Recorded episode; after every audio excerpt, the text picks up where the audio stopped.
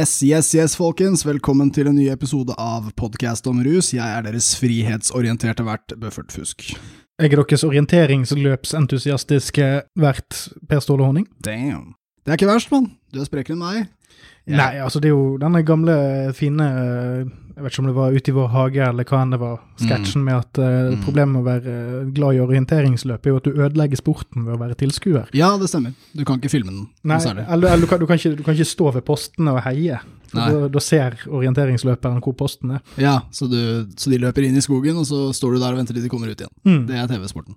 Ja, og, men, men altså i, i, eh, i vår mediehverdag så er jo egentlig utfordringen altså hvordan man orienterer seg fram til seg sjøl. Ja, Hvordan finner du deg sjøl i dette mylderet? Hvor ble du av Buzz Aldrin? ja.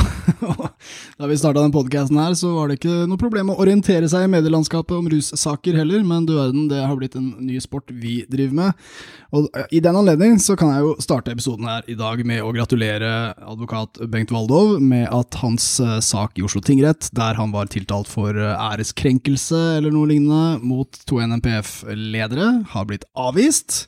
Det var altså plakatsaken, hvor eh, det var hengt opp eh, bilder av Goggen Evanger og Jan Erik Bresil med en QR-kode. Viste at ingen i retten hadde egentlig undersøkt hva den QR-koden gikk til, Eh, så det, det mangla òg. Men en stor seier for Narkotwitter idet en av deltakerne der hadde avdekket at hun som hadde tatt ut tiltalen, altså statsadvokat som hadde skrevet selve tiltalen, var også medlem av NMPF. Og dermed ble hele saken avvist i sin helhet. Eh, greit å understreke der at det er lov å være med i NMPF når du er statsadvokat, men ikke når saken handler om NMPF. Nei, og det er sånn, burde ikke politiet og alle sånne advokater som har noe med dette å gjøre, i lovverk og ymse steder, burde de, de Har de kurs? Habilitet? altså, strøk Altså, sto de i habilitet?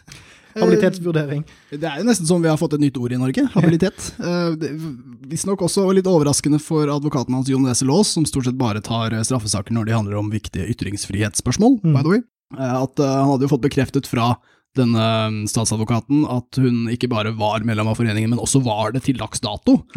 Eh, så, så hun ikke, og hun hadde også uttalt at hun ikke så noe problem med at hun hadde tatt ut denne tiltalen. Nei, for hun var jo passivt støttemedlem, var ikke det? Ja, de, de anser seg ofte som det, og igjen, jeg har forståelse for at når du er høyt oppe i politiet, så er det akkurat som du blir automatisk innmeldt i den foreningen, og de har jo lønnstrekk, altså trekk fra lønningsslippen, så er det ikke sikkert du merker at du Altså Hvis du Mm. betalte en faktura manuelt, så hadde du kanskje vært et mer sånn aktivt medlem.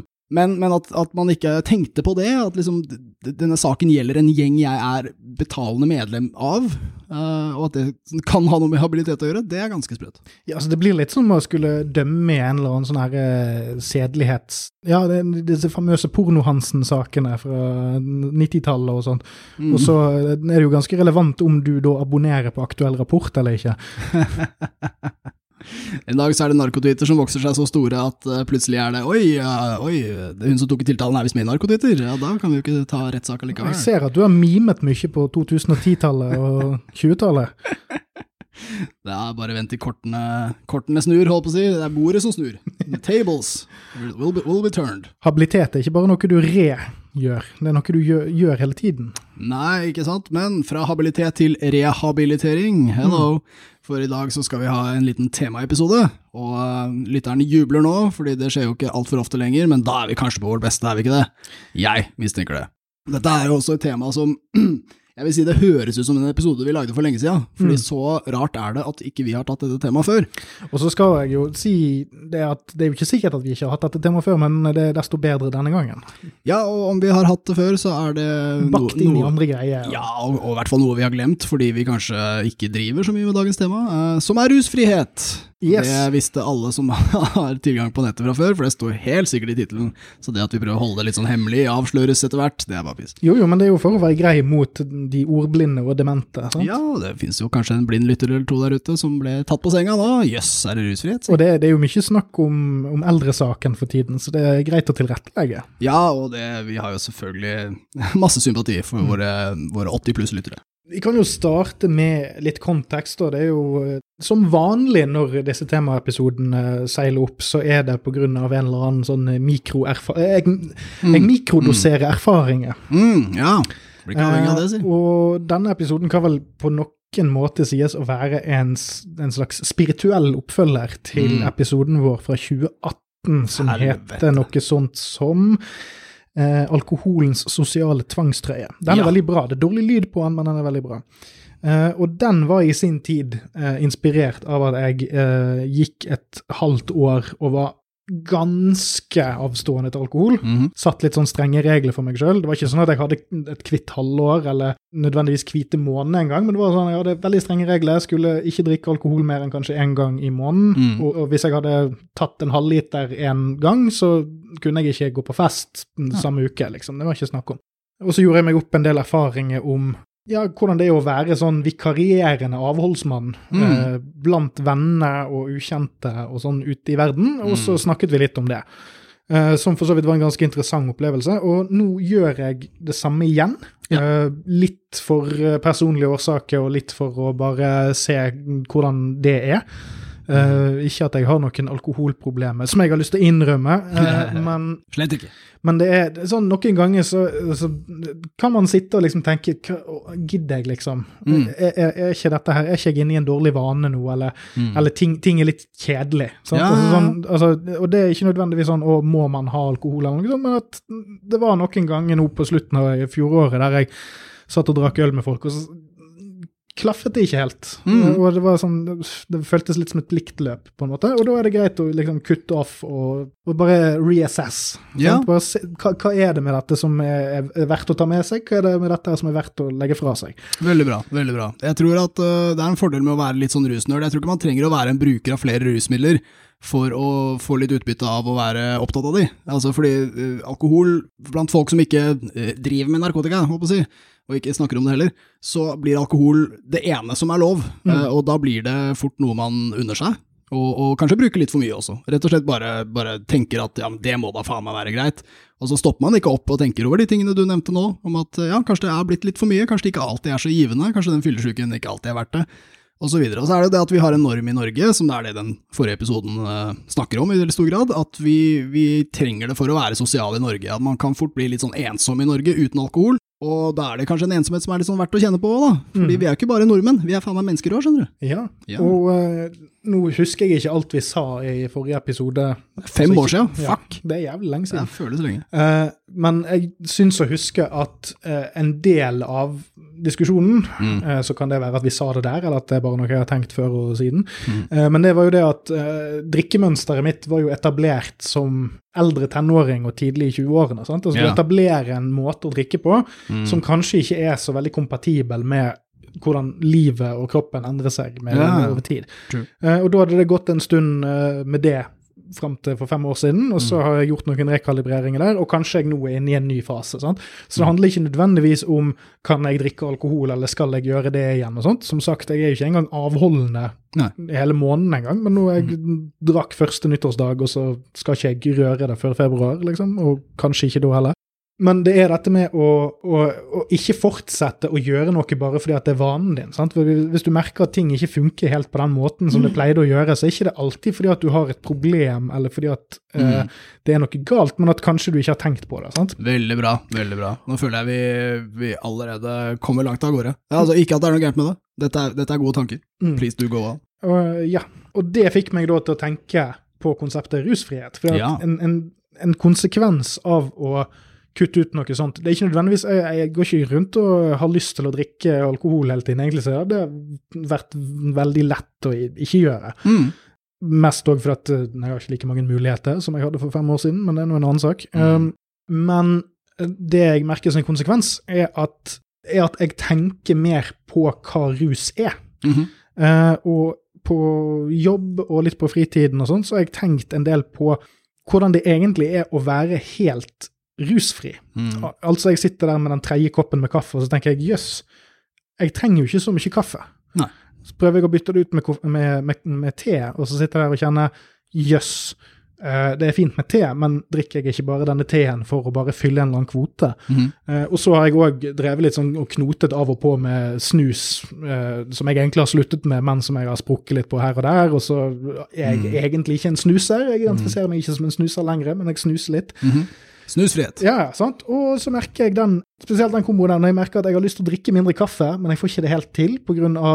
Ja, gamle vaner, eh, gamle rutiner, som kanskje ikke kroppen min er justert for lenger, eller kanskje ikke hverdagen min er justert for lenger. Mm.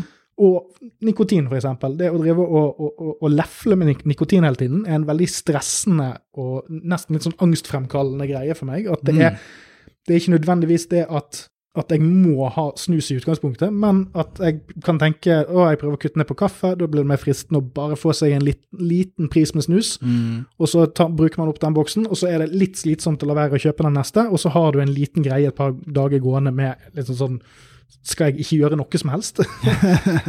og, og det jeg egentlig beskriver der, er søken etter en eller annen tilstand som er naturlig for Mm. meg. Altså hva er, Mm. hva er den naturlige mengden av kaffe, Ja. den naturlige mengden med nikotin som Mm. jeg er komfortabel med i mitt liv? Og det har jeg tydeligvis ikke helt fått i vata på. Nei. Det er ikke alkoholen som er problemet her, egentlig. Det er de mest tilgjengelige rusmidlene er de jeg nå sitter og knoter litt med Mm. oppi det hele. Og jeg vet ikke hvordan min hverdag ser ut uten kaffe. Og, og uten nikotin. Jeg har aldri vært uten begge de tingene samtidig. Mhm. Ja, det, jeg tipper det også gjelder ganske store deler av befolkningen, og også da lyttermassen vår, men eh, vi kan jo anbefale det til alle. Ta, tenk litt over hva det er du liksom trenger i hverdagen for å ha det fint. Mm. Og igjen, vi har nok ganske stor slack på hva vi ville akseptert her i redaksjonen, men eh, kjør, kjør det på en personlig basis. Prøv å tenke litt over uh, hvilke ting som kan uh, endres på, for det er nok det å bryte mønstrene som er Mm. det viktige her. Men vi skal kjøre på med tematikken. Uh, vi kan jo begynne med begrepet rusfrihet. Altså, det er ikke så lett definert. Jeg prøvde å google dette her, og da tenker jeg kanskje at det skal komme opp liksom Store norske leksikon og Wikipedia og så videre. Det gjør det ikke. Det første jeg fikk opp, var en eh, bloggtekst fra en erfaringskonsulent i 2022, som hadde helt ålreite tanker om det, avslutta på en litt mørk note om at eh, man aldri blir frisk, og det lukter litt sånn av det, men Født syk. ja, men det er i hvert fall ikke en særlig vitenskapelig definisjon, så vi kan egentlig også ta diskusjonen om hva rusfrihet eh, er og betyr. Fordi det brukes jo av visse grupper, f.eks. de som driver med rehabilitering, eh, også av avholdsfolk som romantiserer dette veldig mye. Det rusfrie livet er liksom det beste livet, osv. Men eh, vi, vi får prøve liksom å finne ut av det, for altså, det er ikke så veldig brukt i allmenn dagligtale heller. Det er ikke et, et begrep som alle liksom vet hva betyr. Samtidig så er det nok et som du kunne sagt, og så ville folk tenkt ja, nei, men det, det er sånn når man lar være. Altså det er avholdenhet. Men så var det det da med hva er egentlig rus og sånn. Eh, og hvis man tenker på rus sånn som store deler av befolkningen gjør, så er nok rus et litt sånn problematisk begrep. Noe som er litt sånn tungt. Det er ting man ikke kan kjøre bil på, for eksempel. Men hvis man tenker litt mer på det sånn som jeg og andre rusnerder kanskje gjør, så er rus eh, belønningssentrene i hjernen, og det å være rusfri da blir jo egentlig å være gledesfri. Altså å aldri oppleve eh, det man opplever av trening, mat, sex osv., rett og slett um, belønningene.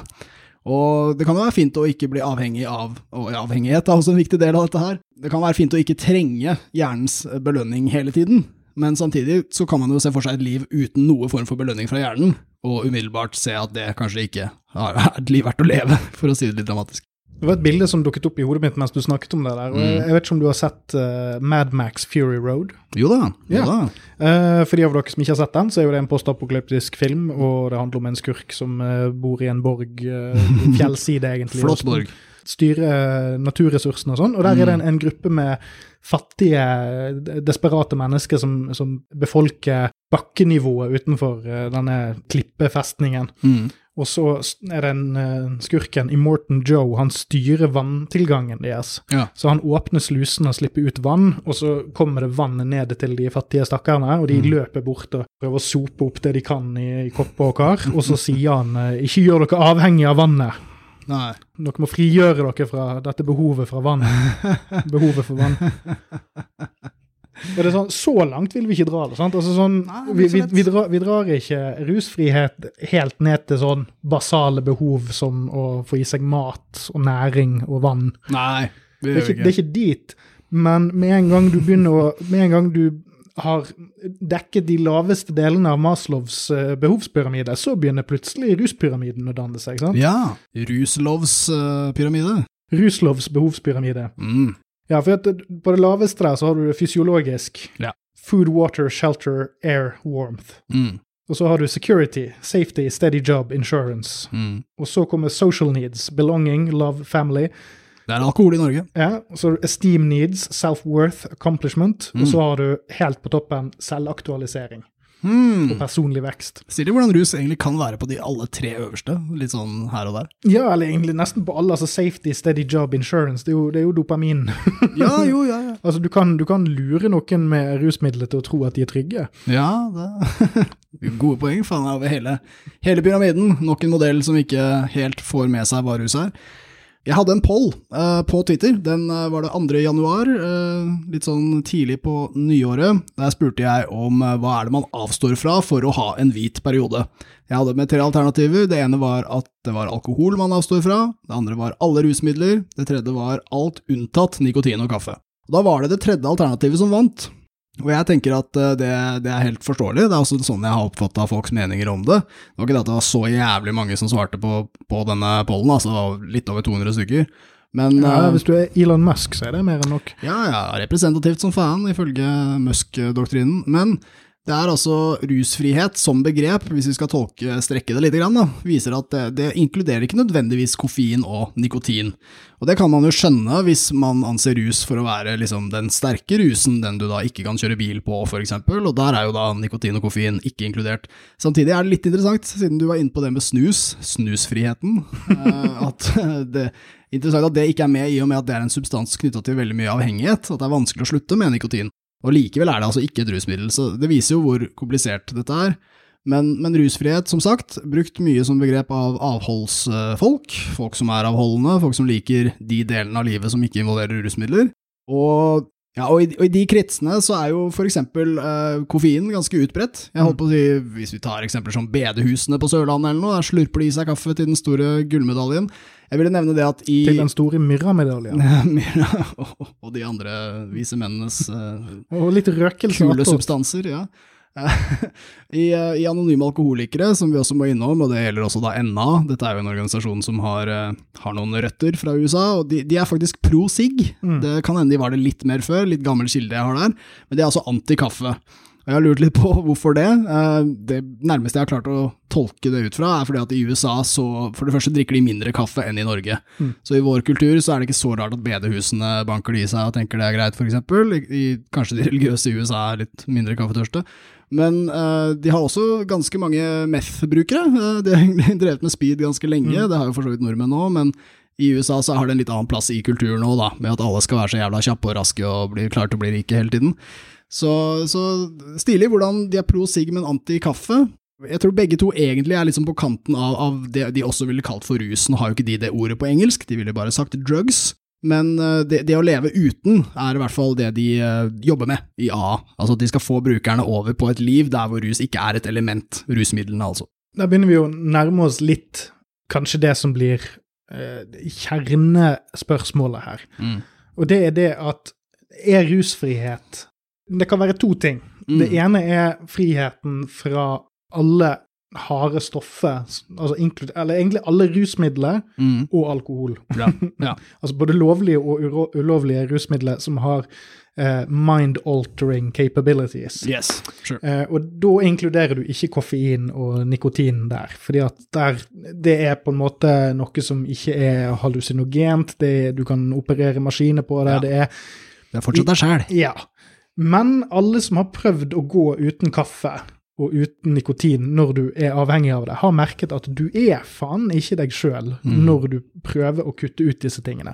Og det er det som gjør det så jævlig lett å begynne på det igjen. Mm. For, at, for det første så er det overalt, det er veldig lett å gjøre det, og det har veldig få umiddelbare sosiale konsekvenser. Ja. Altså Røyking er det eneste altså sånn, det, det teller vi ikke med her. Nå bare snakker vi om nikotinavhengighet. For røyking Mm. det er jo sånn å, du lukter og sånn, så det, det er sosiale konsekvenser. Ja. Folk mobber deg for det, du kan dø av det. litt sånne Du må gå ut en tur. Ja? Altså, sånn, det, det- sosiale stigmaet har vi fått innført. Men jeg tenker det at? Så Du har dette med hard drugs på den ene- siden, det var det ene eksempelet jeg kom med. Men den andre versjonen av rusfrihet må jo da være den naturlige tilstanden din som du ville hatt. Mm. Ikke engang i naturen, for i naturen så er vi alltid altså Hvis vi går tilbake igjen til steinalderen og sånn, sant? altså igjen Maslows behovspyramide, Mm. så er jo menneskelivet fra naturen sin side bygd på stress, angst, tidlig død. Ja. Så vi kan ikke legge opp livet vårt deretter, men i et moderne samfunn der vi har tilgang på alt vi trenger, vi har husrom, vi har alle ting, Mm. så mistenker jeg at det man kanskje kan snakke om, er hvordan kan du bli deg sjøl 100 Mm. uten påvirkning i det hele tatt. Altså Ja. uten at noe som helst er med å kjemisk forandre hjernen din mer enn kroppen din gjør av seg sjøl. Ja. Med, med en sunn livsstil og alt mulig sånt. Ja, veldig bra, og trolig også litt innenfor det målet som de organisasjonene ville snakket om. da. At, Mm. at det er liksom, den ekte deg. Det er ikke sikkert du liker den, men det er ekte. Det er Mm. real. Jeg tror at Hvis vi skal forstå begrepet rusfrihet, så er det egentlig kanskje fire elementer som spiller inn. Det ene er jo definisjonen av rus, som uh, trolig er litt mer variert enn folk flest tror. Eh, Det andre er eh, avhengighet, fordi rusfrihet dukker først opp som behov når folk eh, er avhengig, eller på en måte gjør ting de ikke ville gjort ellers, det påvirker livet deres sånn at de tar andre avgjørelser i retning av rus osv. Da dukker på en måte rusfrihet opp som et slags behov. Ta en rusfri periode, finne ut av dette her. Da handler det igjen om å bryte mønstre, som jeg tror, det, tror er sunt, og det kommer vi tilbake til. Men det er også dette med at alkoholen har et visst monopol, og også det at narkotika er et eget begrep som, som handler om de, hva som er forbudt. Men sant, siden alkoholen har en ganske betydelig rolle i samfunnsnormen, som også er det vi snakket om eh, i forrige episode, eh, forrige som i for fem fucking år siden, Eh, men det, siden det her er rusmidler som alle har erfaring med, så, så blir man også litt sånn ekstra dømt hvis man drikker feil, eller hvis man ikke får det til, for da vet alle eh, at de selv klarer noe du ikke klarer. Men bruken sammenlignes også med andre stoffer. Det å drikke kaffe hver dag, det er ikke sånn som alkohol. Og da er det greit å drikke kaffe hver dag. på en måte. Mm. Det, er ikke, det er ikke så sterkt som alkohol er. Men det er jo heller ikke cannabis. Eh, men cannabis er narkotika, så det å røyke cannabis hver dag, det er dårlig. Mm. Eh, det, det er i normen i samfunnet ikke greit. Og gjør man det, så vil rusfrihet plutselig oppstå som et slags behov. Fordi det er altså avhengighet som kommer inn, eh, hvis du gjør det hver dag. Interessant nok ikke med kaffe, da er du ikke avhengig, selv om du gjør det hver dag, ti kopper. Men, eh, eller nikotin for den saks skyld, som jeg nevnte var jævlig vanskelig å slutte med. Men det handler om å, at samfunnet på en eller annen måte krever at du skal ta et oppgjør med din avhengighet og bryte dette mønsteret. Og, og akkurat den delen der føler jeg er, er grei. Det at vi som flokkdyr og samfunn ber hverandre om å bryte opp mønstrene våre, sånn at vi ikke oppfører oss rart, Mm. er en bra ting. Eh, problemene oppstår når folk flest ikke veit en dritt om rus, eh, som tross alt er realiteten her i verden. Nei, for, for å gå litt videre på denne biten med total rusfrihet, da. Ja. Så hvis man, hvis man tenker på Altså, det idealet der er ikke nødvendigvis noe som folk pusher på, Nei. men min tese er, er at det er de personene som gjør det som ligner på det jeg beskrev i sted, altså Mm. som bare er, bare eksisterer og Mm. er, er forsont med sin egen eksistens, uten å måtte gjøre noe som helst for å på en måte kjemisk forandre dette her, det er de som ville, hvis de eksisterer, hypotetisk sett, Mm. vært gullstandarden for folk som eh, argumentere for rusfrihet. Og jeg tror ikke de personene fins, fordi det er alltid en eller annen ting som man kikker på, eller som man har en eller annen greie med, om det er sexavhengighet, eller om Mm. det er eh, jogging eller trening. Altså de folkene som ofte er påstått posterboys for rusfrihet, er jo gjerne folk som er overmåte opptatt av trening. Ja. Sånn, Altså man, klassikeren er at man bytter ut en avhengighet for en annen, og da er det bra at de har byttet ut med en, med en bedre avhengighet. Og det er greit, det er ikke Ja. det, men det er fremdeles en avhengighet, og jeg vet ikke om jeg ville vært lykkelig, la oss si at jeg var alkis, Mm. og for å få et bedre liv måtte bytte ut La oss si at uh, jeg drakk tre ganger i uken, så måtte Mm. jeg bytte det ut med å trene fem ganger i uken Mm. for å føle meg i like stor grad uh, forfylt som menneske. Mm. Det ville vært for meg et nederlag, for da ville jeg fått mindre tid til å gjøre ting som faktisk betyr noe, som ikke har noe med alkohol å gjøre i det hele tatt. Eh, selv om det ene mest sannsynlig er mer destruktivt enn det andre, sånn for hvor lenge jeg lever, så vil det, det, det vil totalt sett kanskje ha gjort livskvaliteten min litt dårligere, hvis man ser vekk fra at man kan dø av å være alkoholiker. Um, Ingen sammenligning for øvrig, men òg dette her med at hvis du da kan inkludere all ekstrem atferd, ja. altså alt som er mer enn det som er godt innenfor normalspekteret, Mm. innenfor disse tingene her, er med på å skape en hjerne som egentlig ikke er normal, altså som er ute etter et eller annet slags kick Mhm. for å kunne være tilfreds i hverdagen sin. Mm. Dersom vi regner det inn, så blir rusfrihet plutselig dritvanskelig. Spesielt når vi da, la oss da for å være kjip, trekke inn eh, folk som har sånne casual-behov, som kaffe eller, eller snus og sånn, Ja. som er forbruksvare. Altså Mm. For å være et normalt forfylt menneske, da, så er du faktisk avhengig av at de internasjonale markedskreftene holder seg stabile, at det ikke blir krig og konflikt som Mm. kutter av supply lines.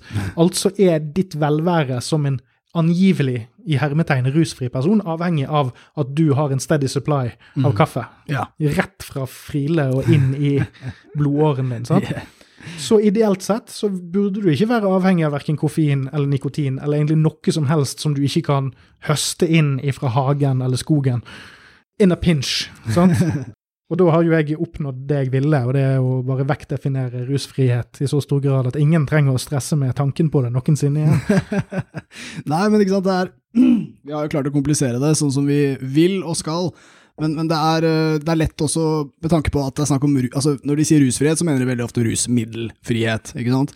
Fordi et uh, problem med nevrologien her er jo at, uh, og igjen, dette gjør at rus er et bra begrep, og at norsk for en sjelden gang sin skyld gjør seg bedre enn engelsk fordi de mangler rett og slett et bra, bra ord for dette her. Men det, det, man kan bli avhengig av alt som er digg. Man kan bli avhengig av alt som gir noe form for nevrologisk belønning, og det kan være oppmerksomhet, for eksempel, da. Uh, men det er ikke sånn at vi putter de på rehab og sier at nå skal du leve tre måneder uten noe oppmerksomhet, så blir du bedre.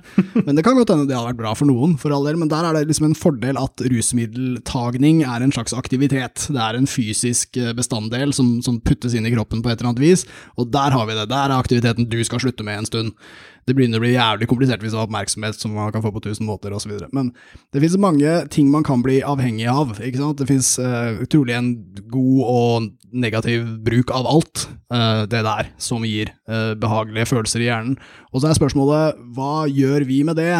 Og igjen, altså rusmiddelbruk har trolig vært en utfordring for samfunnet helt siden samfunn ble oppretta. Det har trolig alltid vært en slags ruspolitikk i alle samfunn, så lenge et rusmiddel har vært der, og det har det jo alltid. Så vi trenger måte å, å, gjøre noe, da. Når folk blir så avhengige, så rare, uh, at oppførselen deres blir helt uh, preget av det greiene, så er det sånn kutt, stopp nå, ferdig med det.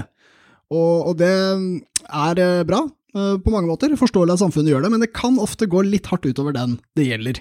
Og særlig hvis dette presset kommer utenfra. Det burde jo selvfølgelig komme innenfra. Det handler om deg, din psykologi, ditt liv. Du burde ville det. Hvis alle rundt deg på en mobber deg til å bli rusfri, så, så tror jeg ikke effekten blir så god heller. Vi kan gå litt inn på dopamin og serotonin og sånt. Ja. For i det samfunnet vi har nå, så er selv hvis vi har inkludert alle disse tingene som er sexavhengighet og, og, kaffe og alt det der mm. Hvis du avstår for alle de tingene der, så har du fremdeles eh, problem med internett og egentlig alt som handler om prokrastinering, som er et sånt ord som jeg tror ble oppfunnet i 2009. jeg hørte det ikke før det. men er sånn, jo mer internett har blitt en del av hverdagen vår, og det er spesielt mm. med smarttelefoner, selvfølgelig, men òg bare at du har en PC overalt, det er alltid mulig. Altså Sitter du og jobber med hva det skal være, om det er på fritid eller på jobb eller mm. eh, organisasjonsaktivitet, så er det alltid to klikk unna, mm. så kan du sitte og fylle på med et eller annet du liker. Mm. Enten det er sexy dame som er altfor unge for deg, som legger ut uh, G-streng-bilder på Insta, eller om det er uh, vaffelbaking i husmorklubben på Facebook, mm. eller om det er Vi som hater katten, mm. Facebook-gruppen. Uh, uh, fins den? Nå fins den. Nå fins den. We hate pussy.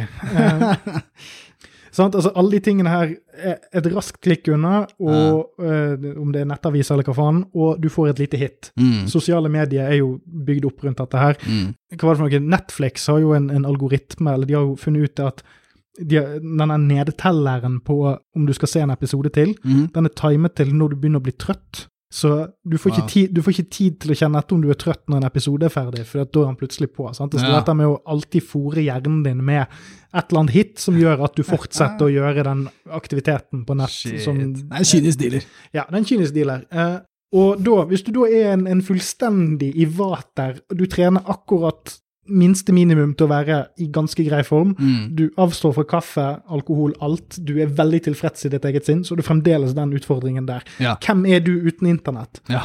Hvem faen er vi da? Hvem er du da? Mm. Uh, vet du hvem du er? Vet du hvordan, du, hvordan kommer du deg gjennom en dag uten internett? hvordan, altså, en dag? Ok, en uke? Wow. jeg vet ikke når bussen går. Jeg på nett og sjekke. ja, og, og tels det å sjekke Ruter-appen inn som en sånn dopaminhit? Ja, Godt spørsmål. Det er i hvert fall internett, men uh, Hvis vi stengte ja. av alle sosiale medier, YouTube og alt mulig på internett, ville da folk søkt seg til Ruter-appen for å få det de trengte? Da blir det sykt digg å vite at du rekker den bussen. liksom. Oh yes, jeg kan vente i fem minutter før jeg reiser meg. Men det er veldig bra uh, parallell dette med, med disse appene, på å si, med teknologien. Fordi Uh, hvis, hvis samfunnet hadde visst litt mer om at rus ikke bare handler om rusmidler, så ville vi kanskje vært litt bedre rusta også for den teknologiske uh, utviklingen, som rett og slett gjør at de, de som driver disse sosiale medietjenestene, og da snakker jeg basically om Facebook eller Meta eller hva faen de kaller seg, og alle andre, at de jobber jo veldig hardt nå, disse appene, for å stjele din oppmerksomhet. Jeg kan anbefale en liten rant eh, fra komiker Bo Burnham, som snakker om dette på en festival, nei, ikke en sånn eh, sit down-debatt som er i forbindelse med en eller annen, ja, holdt på å si, ser ut som Comic-Con, eller noe. Men uansett, han Det kan være fra denne serien han lagde. Han lagde vel en film eller noe Ja, jeg tror kanskje det var en samtale om filmen, ja. Men han snakker om at uh, vi, vi mennesker pleide å, å, håper å si, conquer land. Altså vi pleide å finne landområder, det var der penga ble tjent. Uh, men så har vi funnet alle, alle landområdene og funnet ut hvor mye penger vi kan tjene på dem. Så nå må vi gjøre andre ting. Og disse selskapene som driver disse tjenestene, de er, har jo aksjonærer. De er på aksjemarkedet. Og det er ikke fordi noen er onde eller altså slemme eller dumme eller noe som helst, men de, de må finne måter å vokse på. De skal alltid vokse. Så den nye, det nye landet, det er oppmerksomheten din. Hvert eneste sekund du er våken per døgn, er et øyeblikk hvor du kan bruke en app, hvor de da får bitte, bitte litt informasjon om deg og dine vaner, som de kan bruke. Og det høres ut som de er kjempeonde nå, men det de bruker det til, er å target ads, som det heter. Det er stort sett bare det eneste de gjør med det, at de, de prøver å finne ut hva de kan selge deg mest effektivt. Så, så vi, vi må liksom være obs på det som samfunn, at vi, hvis vi følger strømmen, hvis vi går med det som er vanlig i normen, så blir vi alle dopaminjunkier basert på appene som er vanlige å bruke. TikTok tar over verden, gjør ungdommene late og Justisministeren er uvørende. ja, justisministre, alle som, alle som er på det.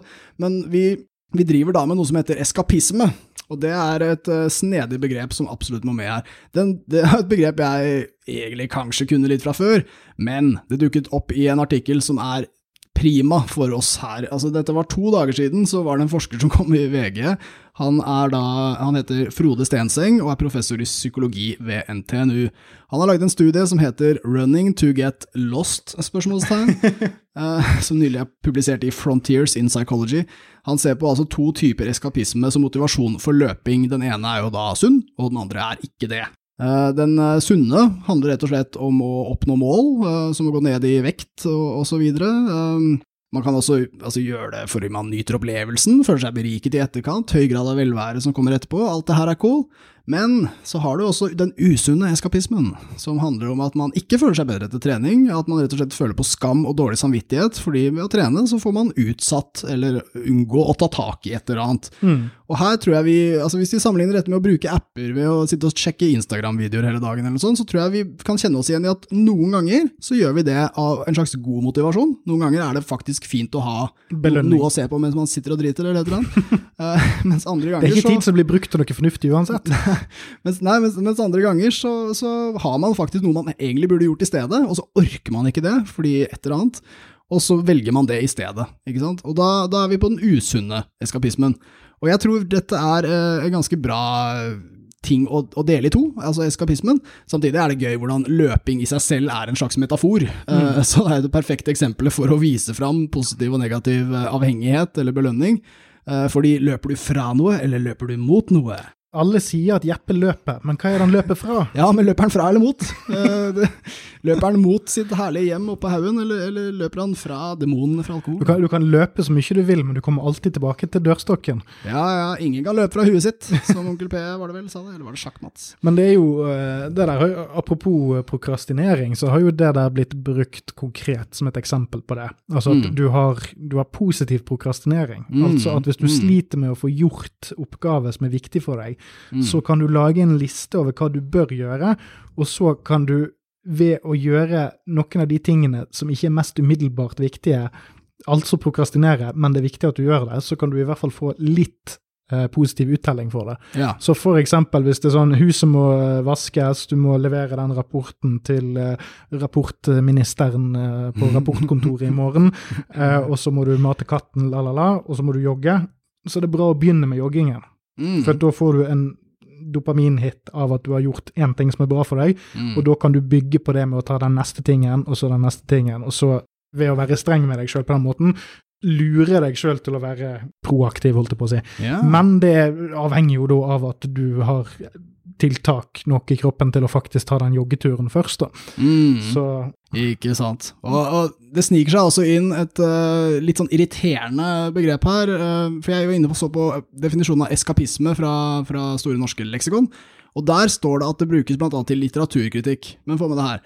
I litteraturkritikken brukes det blant annet om de tendenser i diktningen som antyder en bevisst eller ubevisst trang til å flykte fra de problemene som den historiske og sosiale virkeligheten medfører. mm, Så her har vi da bevisst eller ubevisst, og da begynner det å bli komplisert her, fordi idet du, igjen, forskjellen på en god Instagram-scroll og en dårlig en, er da hvor bevisst du er. mm. Hvor, hvor mye bevissthet du har idet du tar avgjørelsen om å gjøre det, og hvor lenge du holder på bevisstheten for å eventuelt avslutte i tide. Og hvor bevisste er vi egentlig, da? Hvem, hvem vet hvor bevisst en er?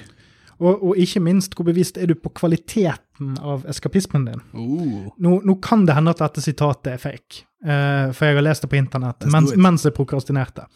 Men uh, jeg tror det er sånn at Tolkien, han som skrev 'Ringenes herre', Mm. har uttalt seg om det. fordi at det der er en veldig, veldig gammel debatt. Mm. I, litteraturen er jo den eldste av alle mediesjangrene som Oh, ja. er fremdeles aktiv. Sant? Altså det skrevne ord og alt det der. Sant. Og så lenge det har eksistert eh, ting man kan skrive ned, og som eh, folk kan lese, så har det vært en diskusjon om hva som er god kvalitet. Mm. Altså, Med en gang de oppfant eh, boktrykkerkunsten, så ble det et enormt hav av skit som ble trykket oppe på pamfletter og sånn. Ja. Jeg har ingen gode eksempler, men jeg kan garantere deg at du kan dra tilbake til sånn 1600-1700-tallet, Mm. og så vil du finne folk som driver og, og, og leser de store romanene fra den tiden der, og så vil du finne uttalelser fra de personene, litteraturkritikere og andre forfattere, Mm. som driver og snakker ned om plebeierne som leser sånne her, eh, ja, pornografiske pamfletter som de kjøper på Ja, ja. sånne det er kiosklitteraturen, basically. Ja, ja, kiosklitteraturen har vært med Ja. oss siden hulemaleriene, liksom. Og, og det er eskapisme. Mm. Sant? Altså det, er, det høyverdige, altså de store romanene og sånt, det Mm. er ikke eskapisme, for det utfordrer intellektet. Det er det som er inngrodd i kulturen vår. er at Jo tyngre noe er, jo vanskeligere noe er å skjønne, jo mer er det rettferdiggjort at du bruker tid og krefter på det. Så Mm. det å lese en, en tibinds roman skrevet av Knut Hamsun i fylla Mm. eh, på sitt mest avtale og forvrengte, det er kjempebra, for det er vanskelig. Ja. Eh, Men det å lese Harry Potter er ikke det. Nei. Det, det, det er bokstavelig talt eskapisme. Det handler om Ja. en gutt som blir trollmann. Uh. en annen virkelighet. ja, ikke sant? Men det er Tolkien, for å gå tilbake til det Tolkien-sitatet, som Mm. kan hende er fake, jeg vet ikke, uh, men han sa noe sånn som at ja, men det er jo vår fordømte plikt å flykte. Mm. Nice. Eh, altså, virkeligheten omgir oss hele tiden. Ja. Så hvorfor i alle dager skal vi være bundet opp til den harde realiteten om at det ikke fins noe annet? Ja, det liker jeg. Ja, altså Nå er dette tatt litt etter hukommelsen, men det er, det er the gist av det sitatet. Mm. Eh, og der, da går vi tilbake til det du nevnte med kvalitet i Mm. sted, på Mm. eskapismen. Mm. Fordi jeg har Hvis vi ser på eskapisme som det vi har snakket om nå, så har jo jeg, både jeg og du og nesten hele Norges befolkning flyktet hele livet. Ja. Vi, vi så Mot i brøstet på TV på 90-tallet, og vi har sett uh, uendelige timer med Steg for steg, og vi, hodene våre er proppfulle av popkulturelle referanser som vi egentlig hater. Ja. Men vi vil jo si at det er et definitivt gode å sette seg ned med en film. ja. Uavhengig av om det er Star Wars eller Marvel eller hva enn. Mm.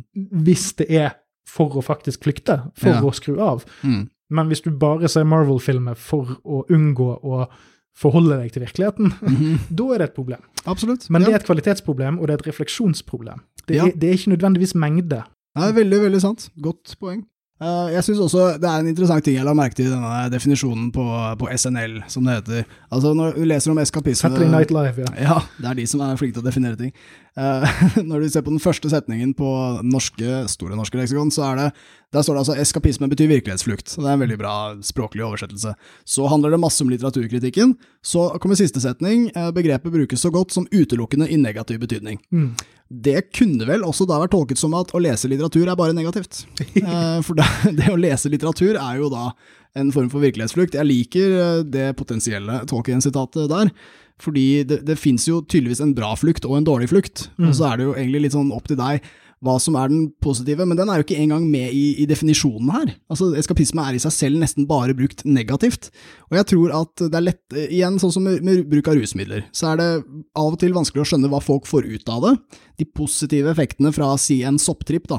De, de, de er veldig personlige. Mm. De, de kommer ikke så mye ut i, i lokalsamfunnet. Høres jævlig døve ut når du gjenforteller det til andre. Ja, liksom å fortelle om drømmene sine, typ.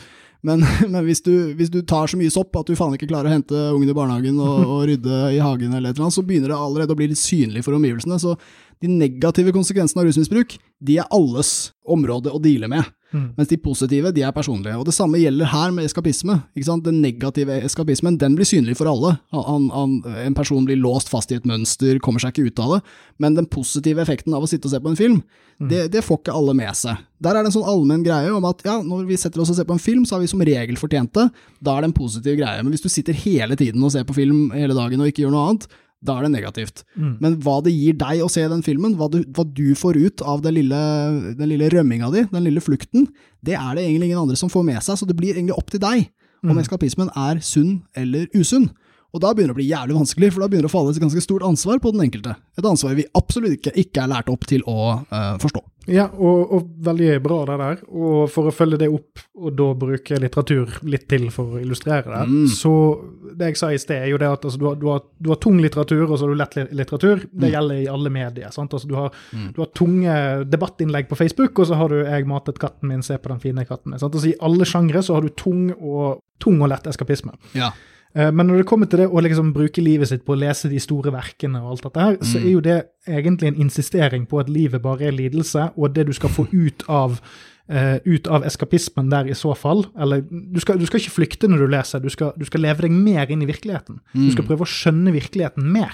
Sant? Som eksempel å lese The Infinite Jest, eller ja, sånne type ting. Altså, du, at når, du er ferdig med det, så har du lest en historie, ja, men du har lært noe mer om mennesket og liksom eksistensens eh, mysterium. Mm. Men hvis du har lest Harry Potter eller noe annet, så har du ikke opplevd noe annet enn å bare vikariert hjernen din vekk. Ja. Men det blir jo igjen det samme som å si at, og det, det går litt tilbake igjen til den eskapismebiten, det er det at det, det fins egentlig ingen god måte å, å oppleve glede på. Hmm. Altså, at du, du får ikke lov til å oppleve abstrakt glede. Mm. Abstrakt glede er fake, Ja. eh, men har Altså gleden av å ha lest et forferdelig langt, langt og tungt verk, eller å ha sett et veldig komplisert kunstverk på et, et galleri, Mhm. Det, det er smertefullt, og derfor er det ekte. Det er alltid litt lidelse i gleden. Ja, Men hvis du har en eller annen slags euforisk glede av å se Star Wars på kino, eller å, å lese manga, eller hva Ja. enn, så er det en fake ting, for det er flyktig. Det er, ikke, det er ikke en glede som sier noe om eksistens. Wow. Men jeg vil jo da si at det er feil måte å lese ting på. Mm. Og, og nå det har vært en sånn kritikk av hvordan jeg opplever en del mennesker som snakker om disse tingene. Men jeg vil jo Ja. da si at hvis vi skal trekke dette tilbake til rus igjen, så det er akkurat den samme måten som sånne folk som er ute etter å raw dog i livet, sånn som Nicolai Torgersen var. Ja, ja. eh, som var en ganske god episode for en tid tilbake. Men Mm. det der med å bare at Med rusmidler òg, så er det ja, det finnes mange flyktigheter, og det er òg dette med at hyppighet har noe å si, det har noe med om du vet hva du driver med, og hvorfor du gjør det, men òg det at det er en forakt er en forakt for eh, opplevelsen av av eskapismen. Altså Ja. det at du har vært et annet sted en stund, om det er på TV eller på, i en bok eller med å røyke en joint, Mm. så har hjernen din opplevd noe i en avslappet, Mm. eller kanskje anspent eh, stemning, som har mye mindre har mindre respekt i samfunnet vårt, fordi Ja. at den ses på som lett, som Mm. fake, som flyktende, Ja. som prokrastinerende. Fascinerende poeng, altså. Og jeg, jeg tror du virkelig er inne på noe smart her. Altså. Eh, en annen ting er jo, eller som, som du sier, så er jo den, den positive eskapismen, de positive opplevelsene fra dette her, de, de, de blir jo veldig personlige, og de blir også litt sånn korte. Altså, det, det er ikke så mye å snakke om. 'Å, jeg ble så glad'. Altså, Hvor mange setninger kan du skrive om det? Hvis du ser på eh, lista over verdens største litteratur, så jo bare, bøkene handler jo bare om lidelse. Det er bare spekka med lidelse. Altså, du tar liksom Ulysses av James Joyce, ta Moby Dick, da, og være be- besatt av en jævla hval. Altså, Hamlet, hvor alle dauer. Det, det, det handler om lidelsen. Krig og fred av Tolstoy. Det er en lidelse bare å lese boka. Mm. Det er eskapisme. Hvis du klarer å lese den jævla boka der, da har du faen meg fortjent uh, hva enn du får ut av det. Men, men eh, når vi skriver store bøker, så handler det også om den felles lidelsen det på en måte er å leve. Det er det som blir de store bøkene. Det blir ikke en beskrivelse om at alt er så jævla fint. Og jeg tror at uh, forhåpentligvis kan du lese de bøkene, og så kan du få en positiv opplevelse ut av det. da. Du, for deg var det digg å innse at de andre også lider, eller noe sånt. Men, men For enkelte av oss er det ganske åpenbart, uten å lese den boken. Nei, ikke sant, men det, det slår meg gang på gang at den, den positive eskapismen er personlig, og den negative den er liksom allmenn. Den, den, er, den er alles business. Eh, og jeg, jeg, Vi kan ikke snakke om dette temaet her heller uten å gå inn på de som har uh, institusjonalisert det, og det er basically anonyme alkoholikere og enda Narcotics Anonymous. Som, som, jeg nevnte tidligere, så er de pro sig, men anti-kaffe. Det er jo artig, bare det. Men de har også en annen greie eh, tilknytta sin uh, ideologi, og det er at de anser avhengighetspotensialet som en genetisk greie. Mm. Altså, så Hvis du er en av de som har vært alkis og kommer inn i det programmet der, så, så får du beskjed om at du er på en måte født sånn, du har sykdommen, the, the, the disease, som de sier i USA, og da må du avstå livet ut. Mm. Og det er jo eh, en, en, smule brutalt. Eh, det handler jo stort sett om hensyn til andre, da, så, så greit nok. Men jeg tenkte, altså, hvis man er født som avhengig, det, det kan for så vidt ikke stemme, jeg vil, jeg vil, understreke det. Jeg tror at alle kan ha sånne faser i løpet av livet, men at, at du er født verken sånn eller sånn, det tror jeg ikke. Det kan være noen som har en tankegang som mm. gjør at det blir alt eller ikke noe, og da burde de velge ikke noe, mm. fremfor å bare være junkier eller hva faen. Men uh, jeg tenkte på det med AA. Ok, når du har sykdommen, så skal du klare deg uten resten av livet. Det er målet. Får du til det, så har du råd. Og så skal du spre dette til de andre som du finner der ute, som også har sykdommen. Men det her er litt sånn spesifikt knytta til det å innta rusmidler, er det ikke? Fordi hvis du for eksempel hadde uh, sexavhengighet, da Ja, Ap. Ja, så kan Anonyme pulere. Ja, så kan man jo se for seg at Trond Giske sitt favorittparti, forresten. Ja, han er vel uh, fast medlem. Ja. Uh, der, der det hadde vært litt rart å be folk som er sexavhengige om å avstå fra sex livet ut. Altså, nå er det sølibat for deg, ikke runking heller, liksom. Altså, bare, bare, for du er en av de. Du er en av de som ikke takler det. Så det blir null på deg. Ja, jeg skulle likt å sett de prøve å behandle Rune Rudberg på den måten der. ja, ikke sant? Og hva slags liv hadde Rune hatt? Nei, da hadde han bare hatt heimbrenten igjen. ikke, ikke vært å leve. Ja, bare GB-en, si. Men, men, det som er, er at vi, vi vet jo fra, uh, fra, forskningen, og den forskningen er for så vidt nyere enn uh, eh, AA og NA er som organisasjoner, så de skal ha litt props for å ikke oppdatere seg i forskning som betyr at de må legge ned. Eh, men psykologiske tilstander der man føler ensomhet, manglende tilhørighet, manglende inkludering osv., de øker risikoen for avhengighet. Og de er jo ikke genetiske komponenter, dette er ting som skjer noen ganger i livet. Det er, er vanligere å oppleve som ung voksen, det er vanligere å oppleve i forbindelse med dødsfall, skilsmisse osv. Så de hopper jo, altså AA og sånn, de hopper jo bare bukk over hele den problemstillingen der, og sier ja, men sånn er du. Du er født sånn, det er printa inn i DNA-et ditt, du er en av de folka der. Og så har de på en eller annen måte støpt menneskene i stein òg, og sagt at sånn er du på en måte til dagen du dør. Men så er greia det at vi mennesker er mer kompliserte enn det. Vi driver og utvikler oss og har sånne faser i livet. Så derfor blir dette enda mer komplisert. Hvis du skal uh, bryte opp en rusvane, så kan du ikke heller gjøre det for livet, ville jeg sagt. Du må drive og kjenne på det hele tiden. og hvis jeg skulle beskrevet det oppsummert og kjapt, så er det rett og slett at vi, vi kommer inn i mønstre i livet, i perioder knytta til både rusmiddelbruk, kanskje apper, kanskje sex, kanskje whatever, så må du finne ut hvordan er det det mønsteret her påvirker min livskvalitet. Burde jeg bryte opp det mønsteret? Og så er det egentlig bare du som kan vite det. For med en gang de kommer fra utsiden, så kommer de med bullshit om genetikk og masse annet shit, så det er du som må finne det ut. Igjen så blir det tungt på lytteren, den enkeltstående personen som nå må forholde seg til all den infoen her. Jo, og så bare for å si noen enkle ord. Vi beveger oss vel mot uh, uunngåelig mot slutten her. For de, som, de, de av dere som har et podkastproblem, har jo da et problem nå, nå ganske snart. For The nå er det snart slutt. End. Oh, bitter. Nå er trippen over. Nå, det, mm. nå, kjennes det kaldt ut. Det er bare å sette på en ny av hva som helst. ja. Tønne og Tusvik. Ja, hva som helst. Rett i åren. Litt metadon. Ah, rødvin! um, men, men altså, det anonyme alkoholikere, for det er jo de som er altså Alle sånne anonyme greier uh, er jo en egen brand, det er jo, et, det er jo noe copyright på det. sånn, det, mm. det, stammer jo egentlig fra noen avholdsfolk som har tilknytninger til uh, evangelister og drit borti USA. Sant? Så det er noe kristent i bunn. Men altså, for sin tid så var denne genetikkideen ikke så forbanna dum. Altså, altså denne ideen om at enkelte mennesker gjør ting av veldig eh, sånn Nei, kaosgrunner. Det er sånn Nei, han der han bare klikker i nærheten av spriten. Det er bare, mm. Han bare klikker. Det, og, og, det må være at han er født sånn. Fordi at samfunnet vårt bare har ikke hjernekapasitet til å undersøke det der noe nærmere. Mm. Men det vi vet nå, altså jf. Uh, Maslows uh, behovspyramide og alt vi har skissert, så er det jo det at det er jo mer tydelig at det handler om visse behov som ikke dekkes skikkelig.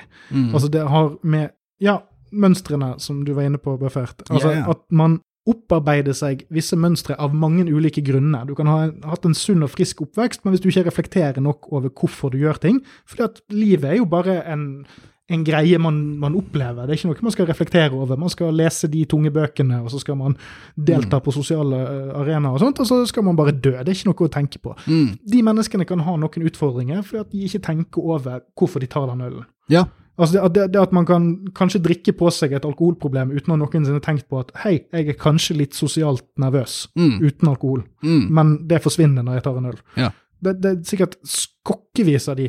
Og så har du de som har blitt neglisjert i barndommen. Ja. Altså har enorm komplisert eh, angst- og traumeproblematikk. Mm de fokuserte man ikke så mye på når anonyme alkoholikere og narkotics eh, dukket opp. Mm. Men det vet vi nå. Det er ikke nødvendigvis genetisk, men det er knyttet til de samme tingene vi assosierer med genetikk. Altså oppvekst, som er veldig tett på med miljø og genetikk. Jepp.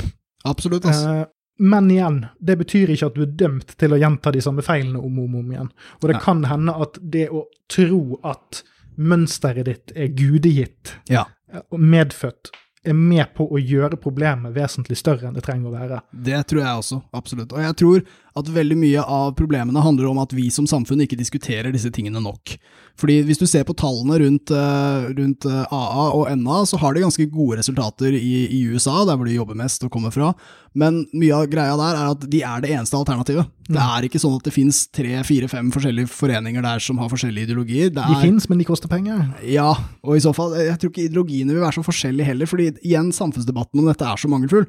Så det du får er på en måte, skal du sitte i fengsel, eller skal du gå til AA? Ok, så går du til AA, og så klarer du å få en sånn 60-70% recovery rate, ikke sant. Og, det, og det, det, er jo bra, det, men hvis vi hadde hatt en liten diskusjon om det personlige her, ikke sant, istedenfor å behandle alle som like, sånn som AA gjør, at det er liksom ja, her kommer nok en uh, fyr som har sykdommen.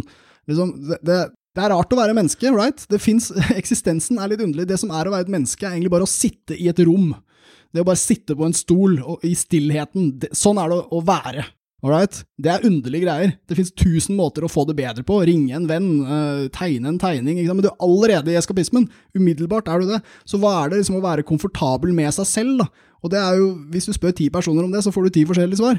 Så da er det opp til den enkelte hver eneste jævla gang å prøve å finne ut hvor, hvorfor rømmer jeg, hva rømmer jeg til, og hva får jeg ut av det? Og burde jeg rømme mindre? Burde jeg bryte opp disse mønstrene?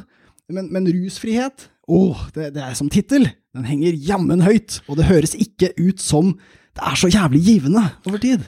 Og så en liten faktaanekdote om recovery-raten til AA. Ja. Eh, jeg bare har den i hodet, så det mm. kan hende han ikke stemmer. Men eneste gangen man Dette er en stund siden, da, men da man, fikk man tak i noen tall. Mm. Det var at over tid så var det 5% som holdt seg unna, altså sånn for life. Og det ja. tilsvarer de som gjør det uten hjelp i det hele tatt. Ja, og da kommer vi tilbake til min lille 'du er sexavhengig, og derfor blir det sølibat livet ut på deg'.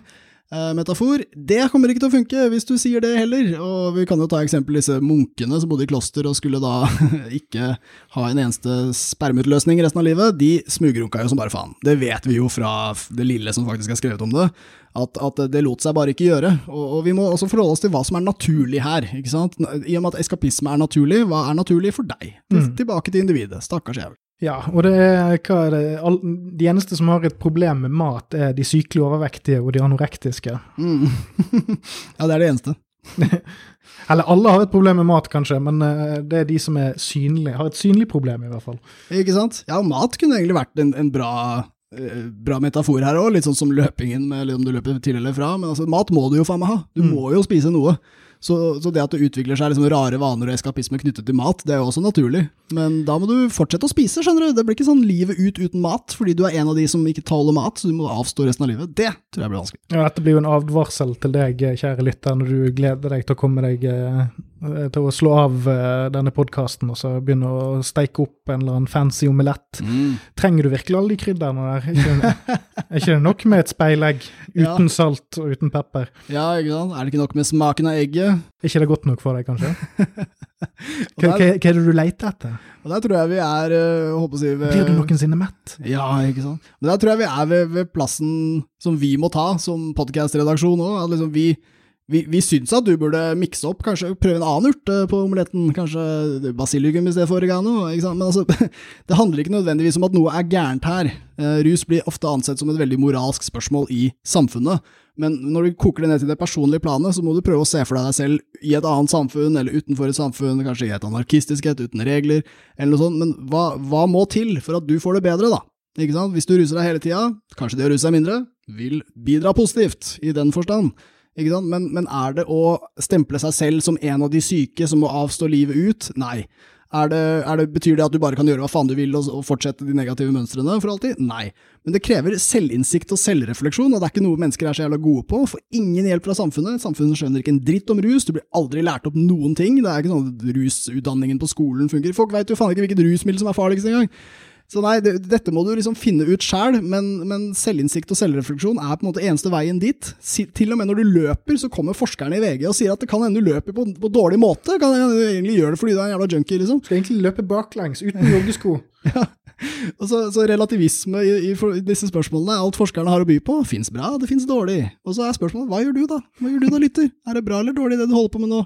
Finn ut av det, du. Men rusfrihet, litt ekstremt, syns nå jeg. Men da tror jeg vi skal si det at vi, vi får si sånn som med den eh, beste antidrugs-kampanjen noensinne sa, det 'This is your brain on drugs'. Ja. Any questions? Ja, Masse spørsmål. Dritmange. Veldig mange spørsmål. Så ja, eh, kjære lytter, tenk over eh, deg selv igjen, sånn som du alltid skal gjøre etter at vi har sluttet våre episoder. Men uh, rusfrihet, kanskje bra, men podkast om rusfrihet, altså frihet fra å høre på oss, det tar vi avstand fra. Alle hitene har vært gratis, for faen. ja, det stemmer. Gå for en gratis en, en som ikke koster så mye, som dine venner i Podkast om rus sitt produkt. God natt. God natt.